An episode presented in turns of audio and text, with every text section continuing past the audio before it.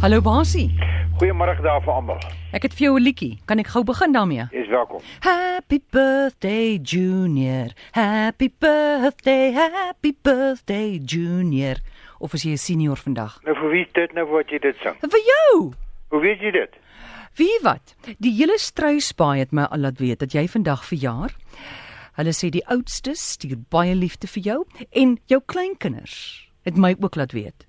Ag nee man, nee man. Ja, ek is Iewers 'n ryke karot. Iewers iewers 'n ryke karot. Reg. hoorie Basie, maar mag jy 'n wonderlike dag in jaar hê? baie dankie. Dis nou dis nou 'n hoogtepunt van my dag. Baie dankie. En ons almal hier by RSG is so bly jy's deel van ons span. Ek is so bly om deel van julle span te wees. Ek is net so bly ek sit nie in Marie se verkeer vas elke donderdag. Ek hoor jou, né? 'n Mens dit sit mens eintlik in 'n goeie by as jy Ja, nie daaraan vassit Dit nie. alleen laat jou voel jy verjaar alweer. Ja. Maar Basie, daar is probleme daar buite. Vertel ons gou vinnig, hoe werk hierdie storie van uh, Microsoft wat nou sy Windows 10 opgedateer het, maar dit maak dat Windows 7 nou oop is vir rotte om te kraak. Baie goeie vraag. Jy weet jy jy jy kan hierdie program begin oor, oorneem. Hy raak al skerper by die dag. Uh, hierdie is 'n baie interessante storie. Wat hier gebeur het is kom ons praat net weer vinnig wat beteken dit dat hulle dit opdateer. Hulle vind uh, in 'n in 'n program soos soos Windows 10 wat ons nou al weet, bestaan uit miljoene ter miljoene lyne rekenaarkode. 'n Ongelooflike komplekse program. En op geen manier kan 'n verskaffer soos Microsoft die program behoorlik toets nie. Dit is onmoontlik, daar's net te veel moontlikhede. Dit gaan die res van almal se lewenstyd vat om hom te toets. Daarom stel hulle 'n uh, uh, program soos Windows 10 in bedryf en dan vind die mense uit daar's foute. En dan sê hulle maar hierdie ding werk nie reg nie, soos vir die kliënte oor die wêreld nou hierdie program begin gebruik. Nou en dan sê Microsoft maar goed, kom ons maak dit reg. Ons skryf 'n stukkie program wat die fout wat daar bestaan het wat ons ons ontwerpers, ons programmeerders ingesit het, uh kan regmaak. En dan doen hulle dit. Maar wat hier gebeur het is Windows 7, Windows 8 en van daai plekke het almal tot 'n groot mate dieselfde bronkode. In ander woorde, hulle is amper dat 'n groot deel van Windows 7 is eintlik maar Windows 10. Nou wat nou gebeur? Nou maak hulle Windows 10 reg. Nou nou nou sê hulle hier was 'n gat gewees of hier was 'n verkeerde ding gewees en ons sit nou die regte, ons sit die pleistertjie daarop en hy's nou reg. Maar nou gaan hierdie rotte en en dis dis vir my verskriklik interessant. Miskien moet ek ook een word.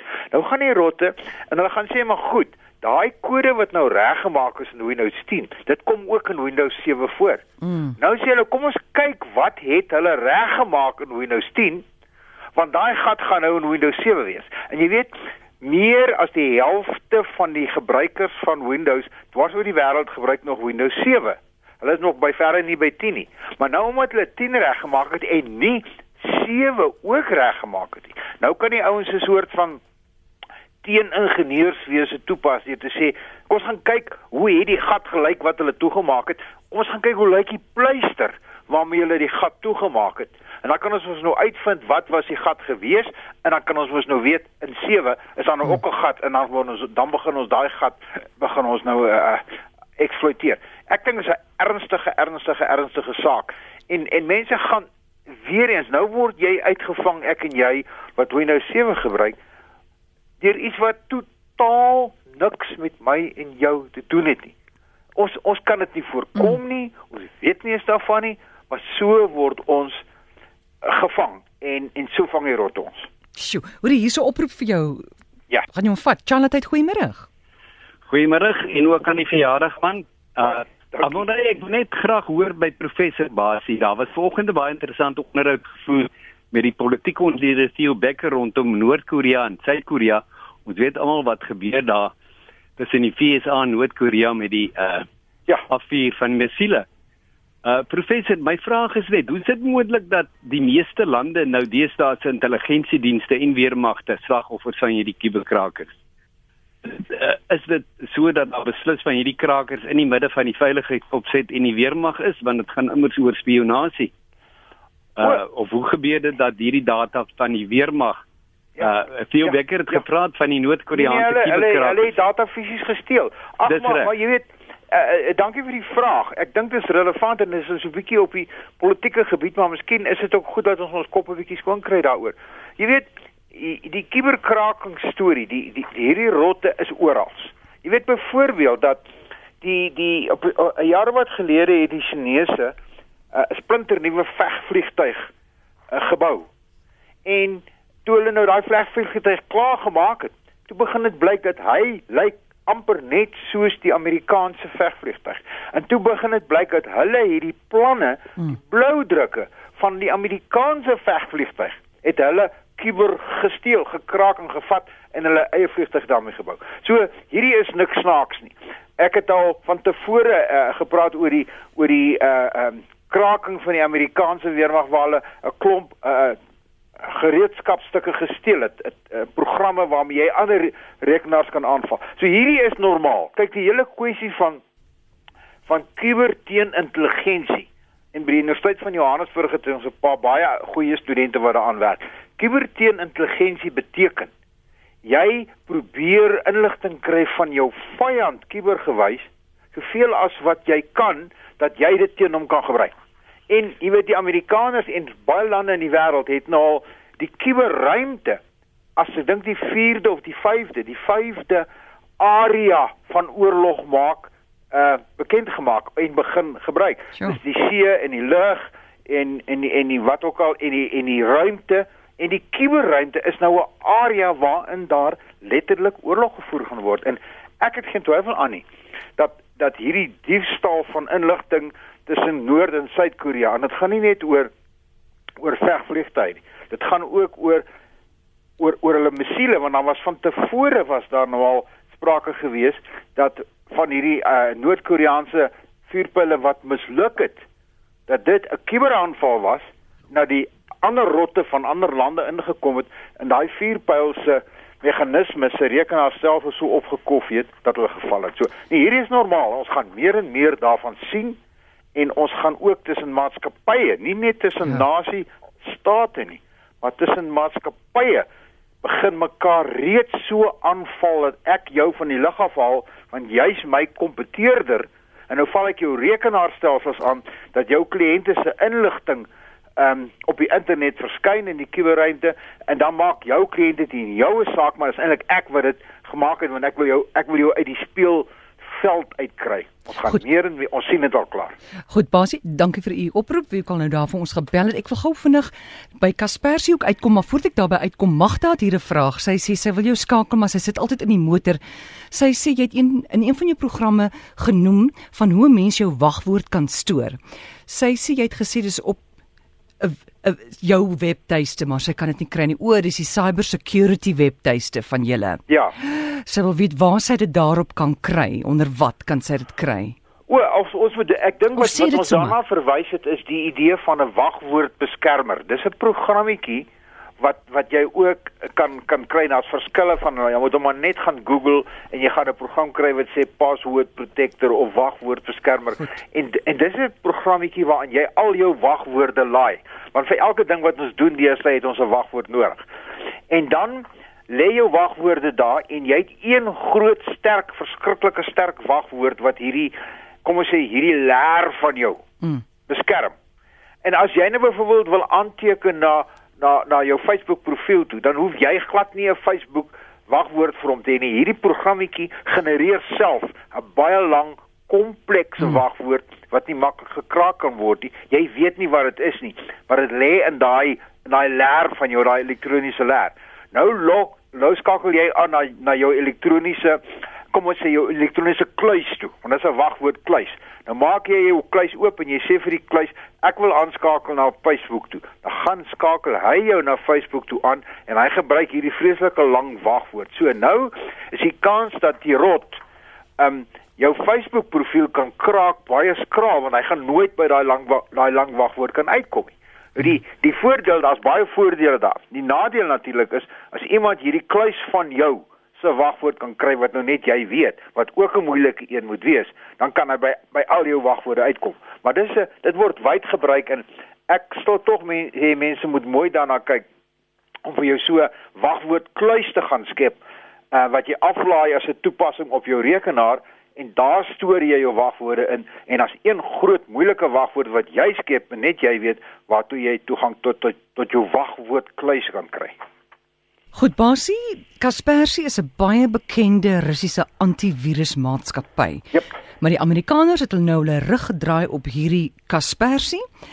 Wat beteken dit met vir jou en my as mens nou al klaar dit het as 'n antivirusprogram op jou rekenaar? Kom ons kom ons gaan net terug na hierdie hele ek beskou dit as 'n as 'n as 'n kussingeveg regtig tussen tussen Rusland en Amerika. Ek ek dink dis deel van van hierdie wrywing tussen hulle. Maar wat nou gebeur het is hulle het nou begin sê dat Kaspersky wat 'n Russiese maatskappy is en die hoof of die stigter van Kaspersky is Rai Rai Rai meneer Kaspersky. Hmm. Hy's 'n Rus en hulle beweer nou dat hy het uh, hy's in die bed saam met die Russiese geheime dienste ensovoorts ensovoorts. En en daar is, jy weet, daar daar da trek rookies daaruit. Dit is nie sommer net dat hulle ongelukkig is nie. En hulle sê nou, die Amerikaners sê nou dat dat die Kaspersky se anti want hulle hulle verskaf antivirusprogramme en hulle is sterk in Suid-Afrika. En ek dink hulle verskaf 'n goeie produk. Maar daar word nou beweer deur die Amerikaners dat binne in hierdie produk wat ek en jy nou koop of aflaai, die antivirusproduk om ons te beskerm teen die rotte, daar lê geheime kode in wat kan terugpraat na Kaspersky toe wat dan weer met die Russiese geheime diens praat. En die Amerikaners het sover gegaan dat hulle hierdie antivirusprogram of produk verbied het in hulle federale regering. In hulle hele regering mag niemand dit meer gebruik nie. Nou of dit nou go gewoon paranoïes is, weet ek nie. Maar ek ek dink dit is 'n ernstige saak want jy weet die maatskappy het 'n baie goeie naam en hy word in Suid-Afrika hier dit self geskryf gesê hy word wyd gebruik in Suid-Afrika. En en wat moet ek en jy nou daarvan hmm. maak? Ek weet nie. Ek weet jou eerlikwaar sê ek weet nie. As dit waar is, dan is dit 'n baie ernstige saak. Dan gebruik ek en jy 'n antivirusprogram om ons te beskerm teen die rotte, maar binne in die program sit 'n rot. En en dit kan hmm. natuurlik nie en, en dis moontlik. As dit nie waar is nie, dan is die rot nie binne in die program nie en dan is dit 'n goeie antirot program, maar ehm um, jy weet waaroor gaan die geveg dan? En ek sê altyd waar daar rookie is, is daar 'n vuurtjie. So hier's iets aan die gang en ek dink dis jammer vir die maatskappy, maar aan die ander kant, as dit die geval is, dan moet hulle die gevolge dra. Goed, om terug te kom na lande daai oproep vroeër, regerings wat mekaar, jy weet, ja. so begin te krak. Lyk my ons moet net teruggaan na papier toe. Hoorie, hoorie, so jare wat gelede, hè? Mm. Het het was daar 'n vreeslike groot kuberkraking gewees van 'n maatskappy met die naam van Sony. Hulle het hulle het hom gelooi tot op die grond tot so 'n mate dat hulle uh, die die die maatskappy se se topbestuur het opdrag gegee hulle mag glad nie meer rekenaars gebruik nie. Mm. Julle moet nou faksmasjiene gebruik. Hulle moes die faksmasjiene uit die store uitgehaal. Hulle moes opleidingskursusse gee vir die mense. Hoe nee. gebruik jy 'n faksmasjien? Want hulle al hulle rekenaarstelsels was gekompromiteer geweest. En jy weet dit dis glad nie staaks nie dat jy, jy dat jy gaan teruggaan na 'n handstelsel toe en ons het nie meer handstelsels vir ons beheer van ons maatskappye ja. en die bestuur daarvan nie. Maar jy's reg, dit het daar gebeur, hulle moes weer terug aan faksmasjiene toe. Maar basie Nederland se laaste verkiesing het hulle ook op papier gedoen, hè? Ja. Ja.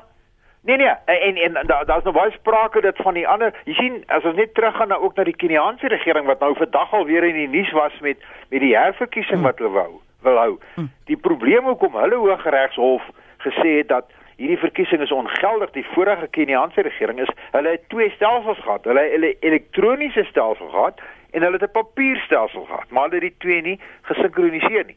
Toe gee die papierstelsel 'n ander uitslag as die rekenaaruitslag. Toe sê die Hooggeregshof maar natuurlik, hier hier's 'n rot hier, so iewers hmm. is hier iets verkeerd en toe sê hulle is onwettig. So jy's reg. Al meer en meer begin ek lees van uh stemstelsels en ek sien hier in Suid-Afrika begin hulle praat van elektroniese stem.